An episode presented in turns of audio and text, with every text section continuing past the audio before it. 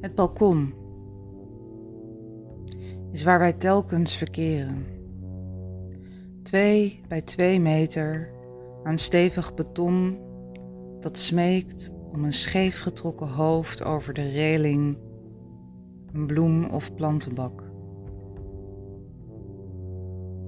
Ongeduldig en zonder schroom weigeren wij iedere toenadering van de boom aan de overkant, die zijn vuilniszak vol bloemendak boven ons leegt.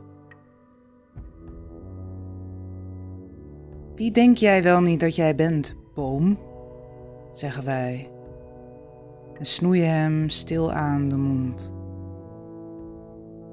De grond onder onze voeten is wederom een open wond, een gravure. Zo zitten wij. Gewapend met plastic stoel en tafel graven wij ons dieper in.